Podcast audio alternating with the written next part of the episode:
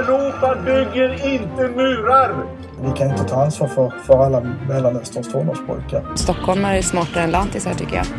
Kladda inte ditt kladdiga kladd! Ja, den där kolbiten den har varit med så mycket så den har ett eget Twitterkonto faktiskt. Our country is going to hell. Välkommen till Samhällsvetarpodden.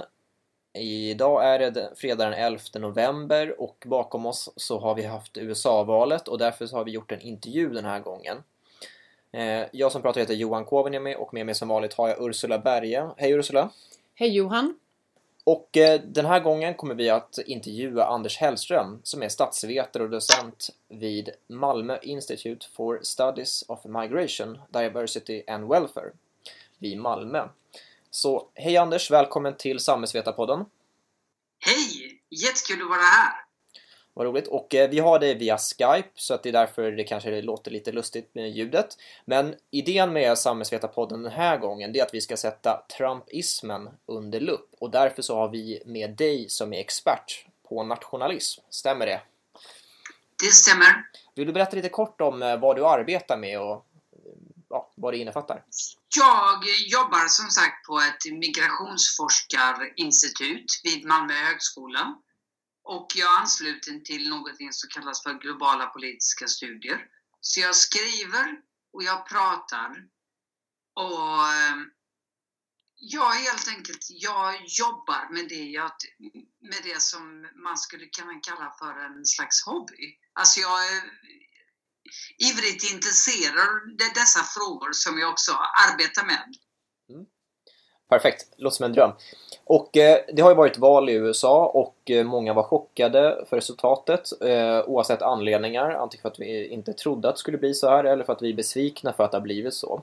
Och vår egentligen inledande frågan är det att vi har valt att kalla det för Trumpismen som har varit eh, någonting som har ja, blivit gällande när man läser amerikanska och brittiska tidningar. Och eh, hur skulle du vilja definiera vad Trumpism egentligen är för någonting? Eh, Trumpism handlar om att eh, på något sätt hitta partipolitiska uttryck för ett eh, groende missnöje. Och Trumpismen specifikt handlar om att eh, då isolera sig från andra och eh, framförallt eh, se om sitt eget bo först. Först hjälpa dig själv och om, du liksom, om tiderna blir bättre så kan man också hjälpa andra. Så Trumpism handlar om att isolera sig och det handlar om att eh, kanalisera ett eh, missnöje som finns bland befolkningen. Mm. Men eh, skulle du jämställa Trumpism med nationalism, som du ser det? Jag skulle inte vilja... Nej, kanske inte. Men däremot så kan man eh, beskriva Trumpismen som en eh, eh, slags nationalism. Om en nationalism definieras som en kommunikationsstrategi så handlar det om att hur man agerar för att knyta samman ett nationellt folk med en nation och en stat. Och eh, Trumpismen handlar om att knyta samman det nationella folket, folket med nationen. Så därför det, ligger det nära till hands att kalla Trumpismen för en nationalism. Men eh, hur, vilka är viet i folket i trumpismen? Det är, det, det är en väldigt stor eh, fråga. Väldigt mycket så är det liksom, handlar om att det är vi som står mot eliten. Så man eh, använder sig av en konfliktdimension, man kan kalla den för den populistiska konfliktdimensionen mellan folk och elit. Så det är snarare eh, den som dominerar politiken, ens politiska retorik och ens politiska förslag. Alltså det är snarare än att klass står mot klass så är det folk som står mot elit. Vad var frågan nu igen? Och, eh, vilka som är, vilka som är viet i nationalismen. Ja. Men, eh, men eh, men om man tänker på det här äh, begreppet och du sa att vid svåra tider så ska man se om sitt eget och det här i fall kan utsträckas till folket och nationen. Och eh, eh, devisen har varit Make America Great Again. Mm. Vad skulle du säga att det är ett tecken på? Det är ett tecken på att det finns en... Den här typen av idéer har en stark genomslagskraft i opinionen. Men vad jag vill eh, lägga tonvikt vid är att det är inte så enkelt att se det som att det är folket som står mot eliten. För vad vi ser i världen idag är folk som står mot folk. Alltså, så det är inte enkelt att man bara ser det som folket mot eliten, utan det är väldigt många som kan vara jättemycket för Trump. Det finns också otroligt många som är jättemycket emot Trump. Så eh, vad man kan tala om i den bemärkelsen är en ökad polarisering. Alltså inom folket. Ja. Så vad som egentligen utgör folket är egentligen en eh, stridsplats kan man säga. Så det råder en kamp om att definiera vad som är folk. Och eh, i valrörelsen så, så, så var ju Donald Trump eh, målade ju upp yttre hot. Eh, dels muslimer som invandrar till USA eller islamismen men även eh, andra nationer som tar jobb genom frihandel men även då mexikaner som har bosatt sig illegalt i USA. Eh, är, det då, är, det, är det så man kan då definiera folket genom att titta på vilka som inte får delta i folket? Ja, tidigare vill jag säga, i USAs historia så har man en tradition av att ha hetsat mot kommunister. Och eh, Så det finns en tradition att hetsa mot något som kommer utifrån. Men eh, snarare idag, snarare än kommunister, så hetsar man kanske mera mot muslimer. Men det är samma slags eh, hets mot oli, du vet, människor som anses inte tillhöra vårt folk och är annorlunda på något sätt. Så att egentligen är det här bara en förlängning av eh, någonting som har varit, är det, eller är det ett nytt fenomen? Har vi bara bytt Ja. objekt för, för hatet? Jag skulle vilja säga svara nej på båda frågorna faktiskt. Men för man kan säga så att det vi ser idag, ett uttryck för vårt folk, är eh, det har en tradition i USAs historia. Men det betyder ju inte att detta bara är eh, en förlängning av samma sak. Men ma- man kan känna igen hetsen mot muslimer med den hetsen som har varit mot kommunister tidigare. Okej, om vi byter till frågan om konservatism. Eh, Ja. Är det här också ett tecken på alltså att konservatismen som politisk idé eh, har vunnit det här valet? Det där är jätteintressant. Um, För konservatism som ideologi är någonting som handlar om att eh, bevara och bejaka det som varit. Men vad vi ser idag, och inte minst med, som då Donald Trump är ett exempel på, är att, eh, att eh, konservatismen i sig har blivit en eh, framåtblickande social stark rörelse. Så eh, plötsligt så, vi är kanske vana i Sverige att prata om arbetarrörelsen och sånt. Nu man och, och det är kampen för att liksom eh, få modern välfärdsstat och så vidare. Här handlar det om att bevara, du vet en kamp för att bevara samhällets institutioner så mycket som möjligt. Att bejaka dessa. Att knyta nation och folk tidigare. Så därför kan man se konservatismen som en stark rörelse i USA men också i Europa. Så, eh, så man kan studera det här fenomenet med trumpism som ett utslag för eh, konservatism som en social rörelse. Vilket i sig låter som en eh, motsättning eftersom konservatism som ideologi handlar om att bevara och bejaka. Men eh, Trump har då visat att detta det behöver inte vara en motsatsställning sättning mellan att bevara och bejaka samhällsinstitutioner och också vara en socialt aktiv rörelse. Så därför kan man studera konservatism som en social aktiv rörelse. Och eh, vilka andra uttryck får det här då? Vilka, vilka är rörelserna när de inte är partipolitiska? Ja, alltså det...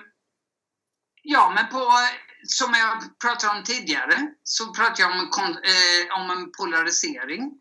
Och eh, det finns det som man ibland kallar för den sociokulturella konfliktdimensionen. Och eh, frågor som gäller nationell identitet, invandring, Eh, EU, allt möjligt. Alltså sånt som man inte enkelt kan liksom kategorisera på en skala vänster till höger.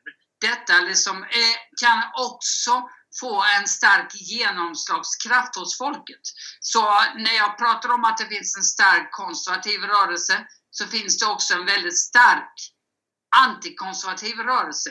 En, eh, att man kämpar för eh, till exempel samkönade äktenskap och så vidare. Att det finns, men man kan se hur den politiska spelplanen spelas ut också där och inte längre bara liksom tra- en traditionellt mellan liksom vänster och höger. Mm. Eh, om vi tittar på vilka är det som röstar på Donald Trump eh, i- i det här valet nu. Eh, det är lätt att säga att det är då vita män som känner sig på något sätt eh, missnöjda med eliten då eller med samhällsutvecklingen eller ekonomiska utvecklingen. Men det är uppenbarligen fler än bara vita män även om de är överrepresenterade. Vad vi kan Ja. se på exit pollsen i alla fall. Eh, så vilka är de andra som röstar på Donald Trump? Eh, om man ser på det, ja, det som slående med det amerikanska valet, eller som jag ser det, om man bara kollar på valdeltagandet, att det är väldigt många som inte röstar alls. Så det finns ett utbrett missnöje, kanske över sin egen livssituation, men också mot samhällets eliter. Och eh, därför så kan man säga att det finns liksom olika människor från olika, både från vänster och högerhåll, som är missnöjda över både hur eliterna styr riket och kanske över sin egen livssituation. Och eh, så det är svårt att peka ut en särskild grupp, att det är just dessa som röstar på Donald Trump. Men däremot kan man se att han kanaliserar ett missnöje som finns latent i befolkningen. Som är, och det är människor som inte är nöjda med att liksom utvecklingen har tagit den väg den har tagit. Och eh, om man tittar på den ekonomiska situationen i USA. Eh, vad, finns det för, vad finns det för bevis på att det här är ett missnöje med den ekonomiska utvecklingen? Klassklyftorna som ökar. Eh, ja, alltså det är ju bara att eh, om man eh, råkar befinna sig i USA så ser man att fattigdomen är väldigt eh, påtaglig. Alltså det är väldigt många människor som har väldigt lite pengar. Och det är väldigt många som kanske har förlorat sina jobb. Och så ser man att, ja som du sa, klyftorna har ökat och så vidare. Och så ser man att det finns de som skor sig på liksom dessas bekostnad. Och vad jag menar med Trump är att han erbjuder en röst för att kanalisera ett latent missnöje. Och då kan det handla om att man liksom inte, ja man kan vara vit man, men man, man kan också vara någon annan som kanske inte känner, som känner sig förfördelad på något sätt. Okej. Ehm, om man tittar på eh, uh, HBTQ-frågor, jämställdhetsfrågor som har fått eh, dominera en del av eh, media, en del av valrörelsen. Vad kommer hända med de frågorna i Trumps USA? Eh, ja, alltså själva Trump, han eh, ger ett ansikte mot det som väldigt många förespråkare för dessa typer av frågor vänder sig emot. Och så plötsligt så finns det liksom, om man ska vara optimistisk, så finns det liksom, då har du liksom, om man hade tidigare Obama som symbol för USA, så var det svårare därigenom att kanalisera ett eh, motstånd. Men om man har Trump så har man ett ansikte på det man är emot. Och vad som Trump själv har ju inte så mycket till övers för den typen av kamp. Men däremot kan man se att motståndet och därmed också kampen för att främja dessa rättigheter. Eh, att entusiasmen, engagemanget, inspirationen har en potential att öka för man har en konkret fiende som man vill vända sig emot. Jag ska även passa på att släppa in eh, Ursula Berge i podden. Hej Ursula! Hej Johan! Eh, nu har jag ställt en massa frågor och Ursula har varit tyst med, men nu är vi med oss. Jag tänkte vi skulle ta det här vidare till en svensk kontext och en eh, europeisk kontext. Så egentligen frågan som jag skulle vilja presentera det är eh, är det här ett tecken på någonting som redan finns i Europa, i Sverige? Vad har det för uttryck här? Ligger USA efter eller före oss i den här samhällsutvecklingen? Um, apropå 2006 så började jag forska om Sverigedemokraterna. Och det som intresserade mig var att Sverigedemokraterna 2006 fick mindre än 3% av rösterna i riksdagsvalet. De fick 2,93 men samtidigt var det väldigt många, både kulturpersonligheter och också politiker från både vänster och höger som var väldigt liksom stressade. Oj, oj, oj, har vi ett sånt här parti i Sverige? Oj, oj, oj, är det så många som röstar på dem? Man kan kalla det för någon slags moralpanik och den här moralpaniken intresserade mig. Alright, eh, nej. Eh, Sverigedemokraterna fick 2,93% av rösterna i riksdagsvalet.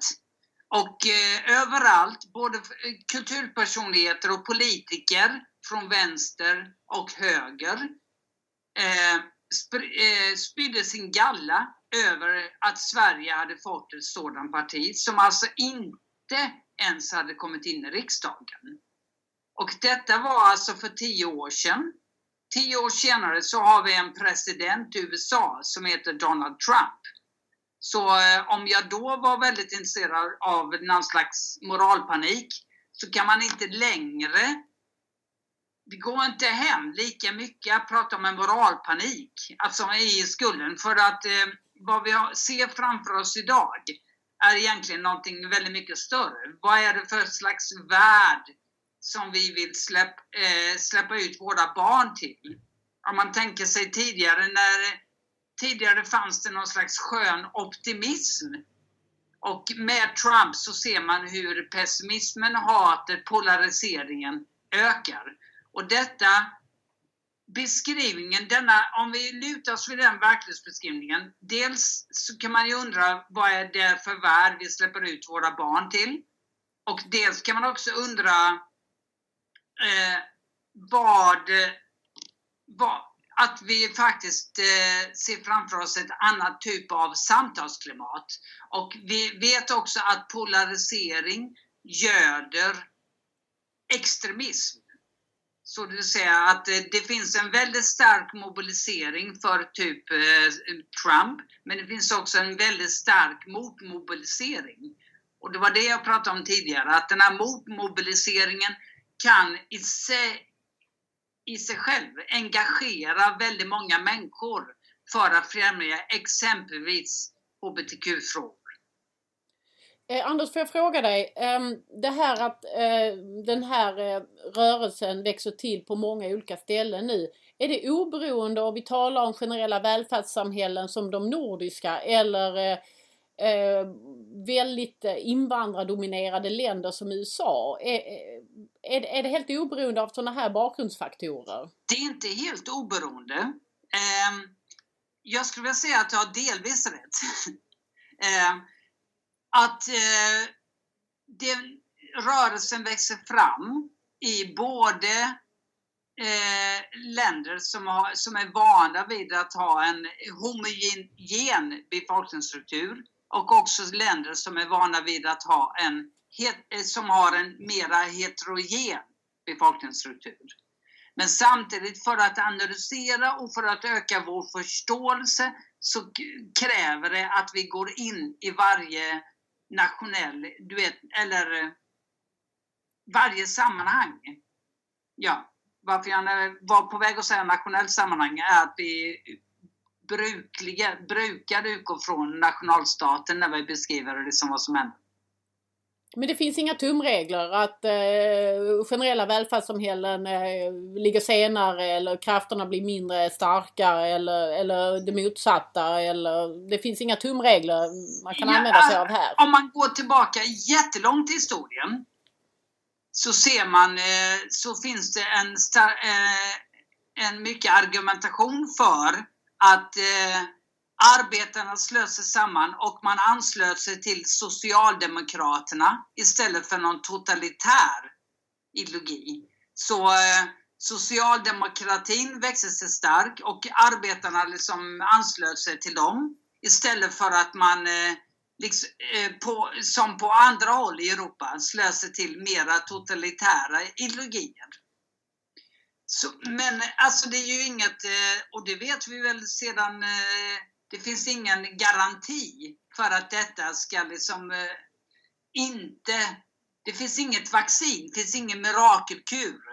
Så vad vi kan eh, kämpa för är någon slags stabila institutioner och att fortsätta främja liksom, att vi helt enkelt måste lära oss att vi, och acceptera alltså hur vi lever med varandra i olikhet. Men då är frågan, om man tittar på skillnader och likheter och det som är, känns som lätt med att säga om Sverige och varför vi på något sätt har, i alla fall tidigare, varit vaccinerade. Det kanske är en felbild av historien, men säg att då vi tidigare har varit vaccinerade mot nationalism på det sättet, det uttrycket, det politiska uttrycket. Eh, för att vi har en stark fackföreningsrörelse och vi har välfungerande institutioner och en eh, generell välfärdsstat som har varit generös för omställning och annat, vilket sätter människor i en eh, ekonomisk trygghet. Och eh, därför har vi alltid kunnat ställa om och alltid känt en, en viss tillförlit till, till staten och till kollegorna och haft en positiv syn på samhällsutvecklingen. Eh, medan då andra delar av världen inte har samma. Men du menar att det inte är något vaccin emot Trumpism i Sverige? Um, Nej, jag, jag, jag skulle vilja säga att det här eh, att Donald Trump, eh, alltså det finns alltid och har alltid funnits någon slags eh, latent missnöje i befolkningen. Och eh, vad Trump är uttryck för, att det är en politiker eller en person som kan på något sätt kanalisera det här missnöjet och få det och omvandla det till partipolitiska preferenser. Och eh, om, man, om det vill sig väl ska man lyckas eh, kanalisera detta så pass mycket så att man kan faktiskt bli president i USA. Men eh, jag vet inte. Jag tror att jag vet inte om det finns ett färdigt vaccin, en mirakelkur för att skydda sig mot denna typ av trumpism även i Sverige. Det finns ingen mirakelkur men eh, däremot så kan vi tillsammans kämpa för att främja och det, då handlar det om att vi lär oss hur vi gör för att leva tillsammans i olikhet. Du nämnde ju det här med institutioner och förtroende för den dem, då har man ju bilden att, att, att i Sverige finns det, eh, även om det finns liksom mot, eh, skillnader i olika befolkningsgrupper, inte minst socioekonomiskt, så att det finns ett relativt sett högt förtroende för svenska institutioner. I USA är det ju precis motsatsen. Det, det är ju ett land som nästan är byggt på misstroende mot federala institutioner på olika sätt. Ja. Eh, hur ska man förstå det? Vad detta eh, presidentvalet säger är ju att, eh, gör är ju att eh, förtroendet för institutioner är väldigt betydelsefull för att förklara och förstå resultat av val. Alltså förtroende för institutioner är centralt och det innebär att Ja, att eh, det är större risk att en sådan figur som Donald Trump lyckas i USA än att en motsvarande figur skulle lyckas i Sverige.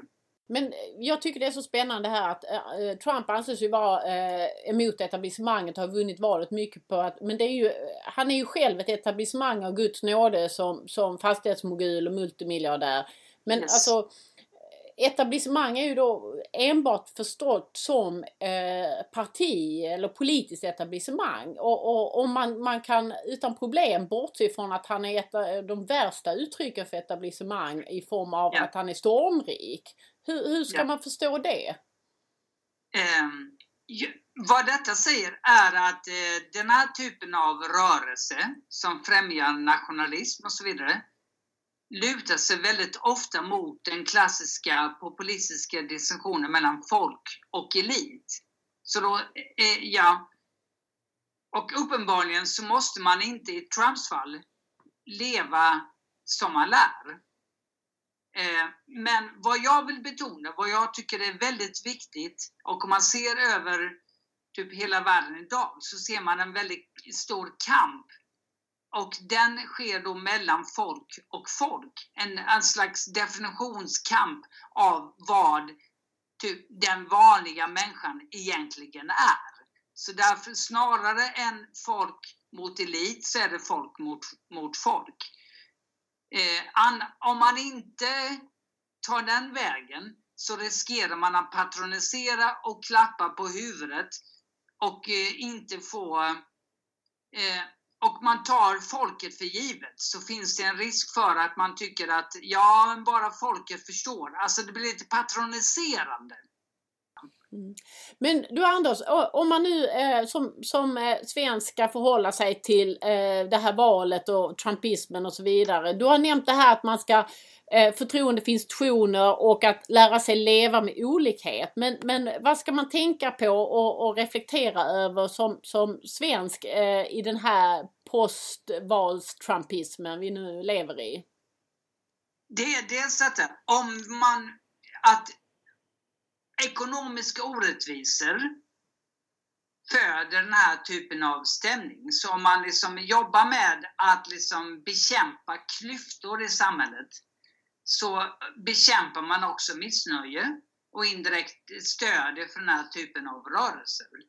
Och eh, det är det första. Och det andra är att eh, jag tycker inte det är självklart att se det som de vanliga människorna som ställer sig mot eh, eliterna, utan det sker inom kategorin folket en väldigt stark mobilisering, men också en, en extremt stark motmobilisering. Alltså någon slags identitetsmarkör. Och det tycker jag är jätteviktigt att eh, få fram. Att det liksom inte bara är så att det är så enkelt som att det är folket som står mot eliterna. Utan det är, finns en, eh, en kamp också i, inom själva folket. Det är lite intressant för eh, den Twitter-kommentar, eh, den tweet som eh, Donald Trump har gått ut med idag, det är att han tycker väldigt illa om de här motdemonstrationerna som sker utanför Vita huset just nu. Är det exempel på just det du nämner?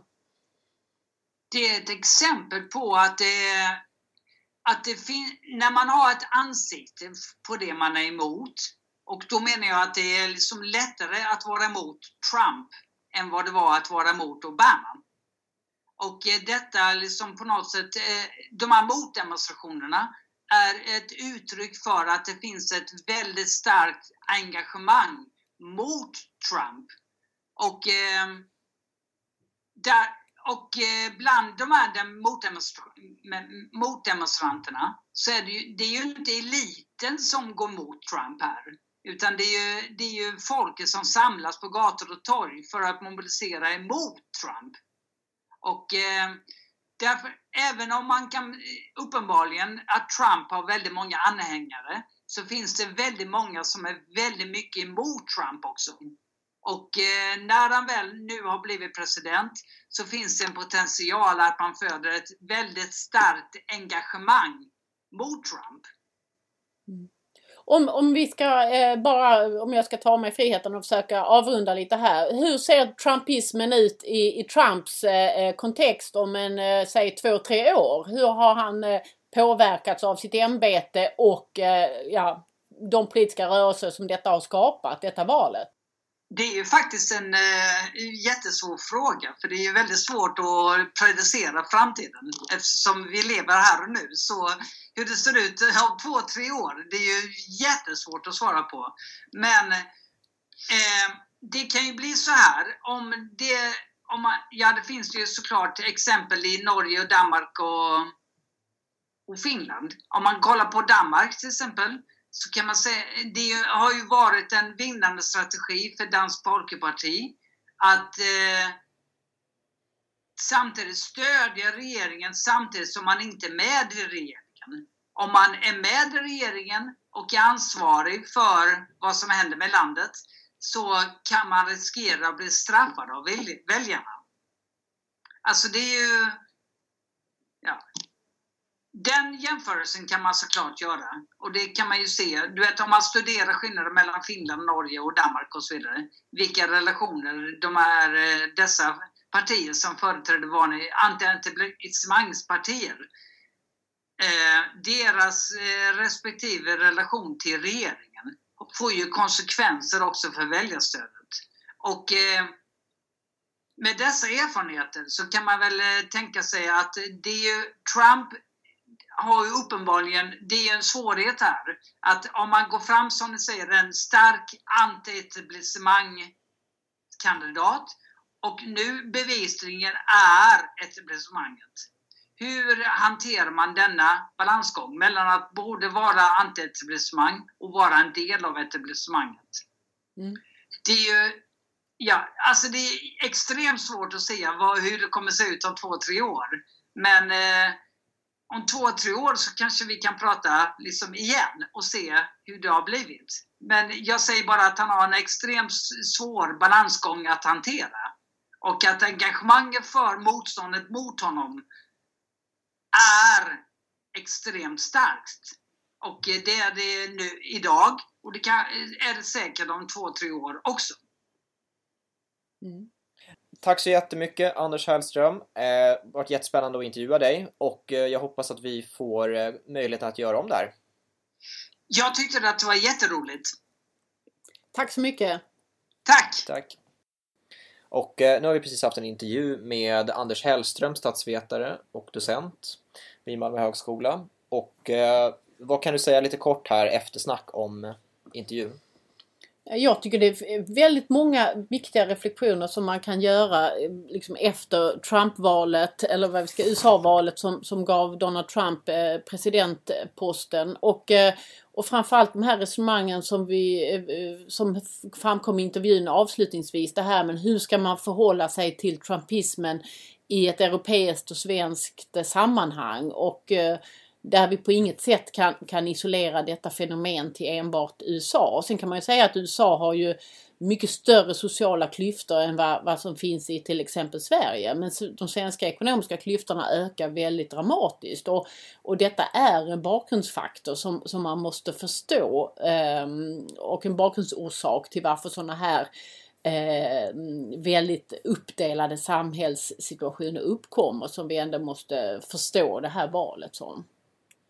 Jag tycker, några saker som vi inte har pratat om det är ju hela valsystemet i USA som såklart ser väldigt annorlunda ut än vad det gör i Sverige. Det är ju två partier som dominerar totalt. Eh, du har valdistrikten, du har primärvalssystemet, eh, det har varit var exceptionellt många kandidater i primärvalet eh, för det republikanska partiet. För Demokraterna så var det egentligen bara tre, tre officiella kandidater.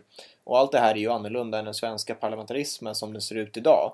Och vilket gör att det är helt olika förutsättningar såklart mm. för vilket valresultat som kan komma ut. Och även, vad var det, 25-26% av, hela, av alla som hade rösträtt som röstade på Donald Trump. Och ändå så fick han en majoritet av elektorskollegiet, eller vad heter det? Elektorerna ja. Elektorerna. Mm. Så, så det är klart att det finns jättestora skillnader som, som man heter det måste braska om, att, mm. om man ska få in och kontextualisera det. Men, eh, och egentligen frågan är vilka, vilka ligger först med den här utvecklingen? Är det Europa eller USA?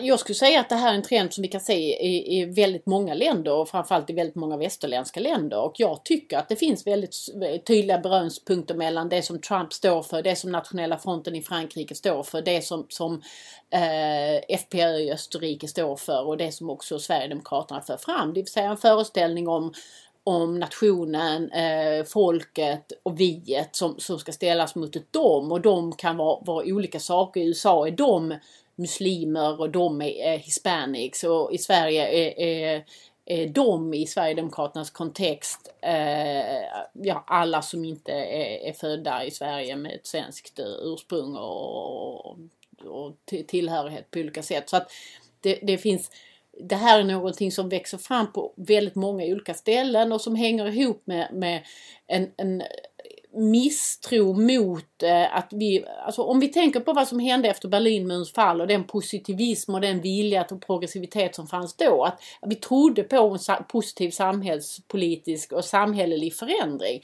Så, så är misstron betydligt större nu och det eh, och det handlar, min analys är att det hänger väldigt, väldigt mycket samman med att vi idag inte har några väldigt tydliga strategier för hur vi ska minska klyftorna i samhället. För det, den här utvecklingen sammanfaller ju med att klyftorna ökar i alla de här västländerna och, och har gjort sedan ungefär 1980. Och, och, det blir bara tydligare och tydligare. Så att eh, det här handlar väldigt mycket handlar, ihop, handlar det om hur vi på olika sätt kan, kan eh, vända en trend där klyftorna i samhället blir större och större. Vi säger så. Bra, tack så mycket och det här var allt för Samhällsvetarpodden den här gången som görs för Akademikerförbundet SSR. Eh, med mig har varit eh, Anders Hellström från Malmö högskola och eh, vår samhällspolitiska chef Ursula Berge. Jag heter Johan Kovaniemi. Vi ger ut Samhällsvetarpodden två gånger per månad och du är varmt välkommen att lyssna på de plattformar som du tycker är bäst. Betygsätt gärna och kommentera gärna podden och eh, återkom till oss med förslag på tema. Annars kommer vi ut varannan vecka. Det var allt för den här gången. På återhörande!